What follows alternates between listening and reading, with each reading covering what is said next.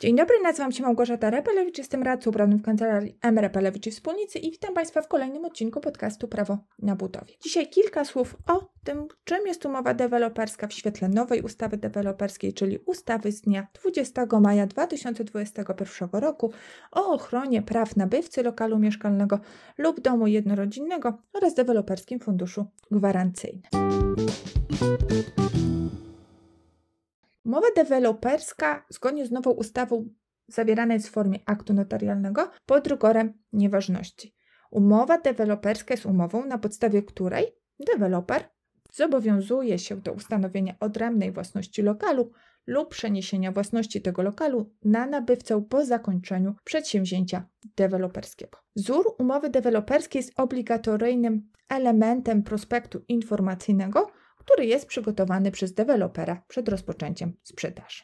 Umowa deweloperska ma za zadanie określić zobowiązania dewelopera w zakresie wybudowania nieruchomości i późniejszego już po zakończeniu budowy przeniesienia prawa własności. Często poprzedzana dotychczas jest umową rezerwacyjną, o której mówiliśmy w poprzednim odcinku.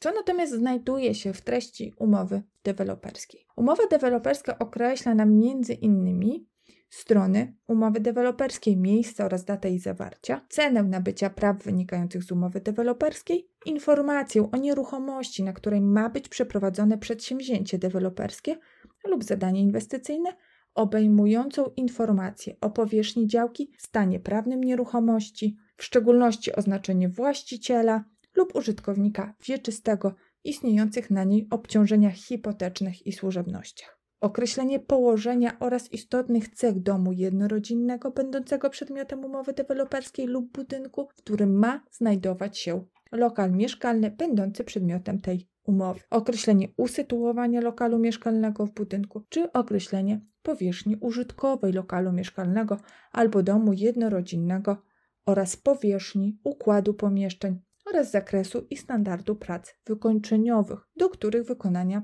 zobowiązuje się deweloper. Ponadto w umowie deweloperskiej określamy termin przeniesienia na nabywcę praw wynikających z umowy deweloperskiej, zobowiązanie nabywcy do spełnienia świadczenia pieniężnego wynikającego z umowy deweloperskiej, czy wysokość terminy i sposób dokonywania wpłat na mieszkaniowy rachunek powierniczy. W umowie deweloperskiej również zawieramy informacje, które dotyczą mieszkaniowego rachunku powierniczego, czyli nazwę banku, numer rachunku oraz zasady dysponowania środkami pieniężnymi zgromadzonymi na rachunku oraz informacje o kosztach prowadzenia rachunku, naliczania i przekazywania składek na deweloperski fundusz gwarancyjny, czyli numeru pozwolenia na budowę, oznaczenia organu, który je wydał oraz informacje, czy jest to ostateczne lub zostało zaskarżone, albo numer zgłoszenia budowy termin rozpoczęcia i zakończenia robót budowlanych danego przedsięwzięcia deweloperskiego lub zadania inwestycyjnego oraz określenie warunków odstąpienia od umowy deweloperskiej, a także warunków zwrotu środków pieniężnych wpłaconych przez nabywcę na mieszkaniowy rachunek powierniczy w razie skorzystania z tego prawa. Poza natomiast sytuacjami, o których zadecydują same strony zgodnie z zasadą swobody zawierania umów, ustawa przewiduje zasady odstąpienia od umowy deweloperskiej. I tak nabywca ma ustawowe prawo do odstąpienia od umowy deweloperskiej po pełnieniu przesłanek w ustawie wskazanych kiedy umowa deweloperska nie zawiera określonych w ustawie informacji, o których była mowa przed chwilą. Informacje w umowie deweloperskiej odbiegają od treści prospektu informacyjnego, a klient nie został poinformowany o wprowadzonych zmianach.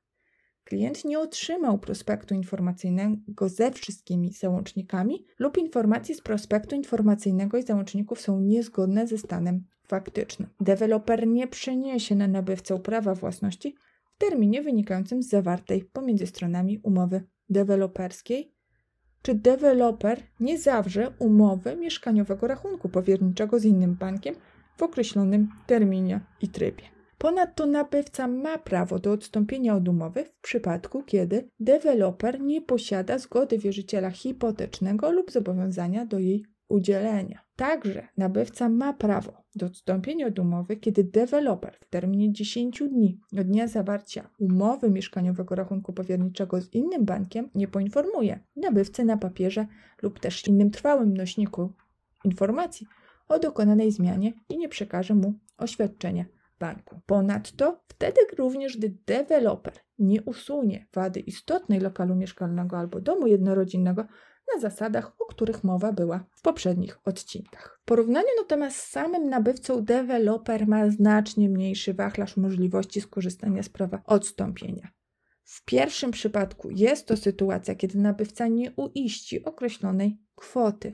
I z prawa odstąpienia deweloper może skorzystać jednak pod warunkiem znowu wezwania nabywcy w formie pisemnej do uiszczenia zaległych kwot w terminie 30 dni od dnia doręczenia wezwania. Wyjątkiem będzie sytuacja, w której brak zapłaty przez nabywcę spowodowany jest działaniem siły wyższej. A druga sytuacja to ta, w której nabywca nie stawi się do odbioru danej nieruchomości lub podpisania aktu notarialnego przynoszącego na nabywcę prawa wynikające z umowy deweloperskiej, mimo dwukrotnego doręczenia wezwania w formie pisemnej w odstępie co najmniej 60 dni. I znowu wyjątkiem będzie wystąpienie siły wyższej, będącej powodem niestawiennictwa się nabywcy. Kto w świetle nowej ustawy natomiast ponosi koszty zawarcia umowy deweloperskiej? I tutaj wynagrodzenie notariusza w równych częściach pokrywają strony, czyli deweloper i nabywca. A na koszty umowy deweloperskiej składa się m.in. taksa notarialna, sporządzenie wypisów aktu notarialnego, opłaty sądowe czy rejestracja wniosku wieczysto-księgowego. Nowa ustawa deweloperska zatem zobowiązuje dewelopera do pokrycia połowy kosztu umowy przeniesienia własności. Dotychczas natomiast cały koszt ponosił nabywca. Podsumowując zatem, nowa ustawa deweloperska wprowadza nam obowiązek zawarcia umowy deweloperskiej w formie aktu notarialnego, także po uzyskaniu pozwolenia na użytkowanie budynku.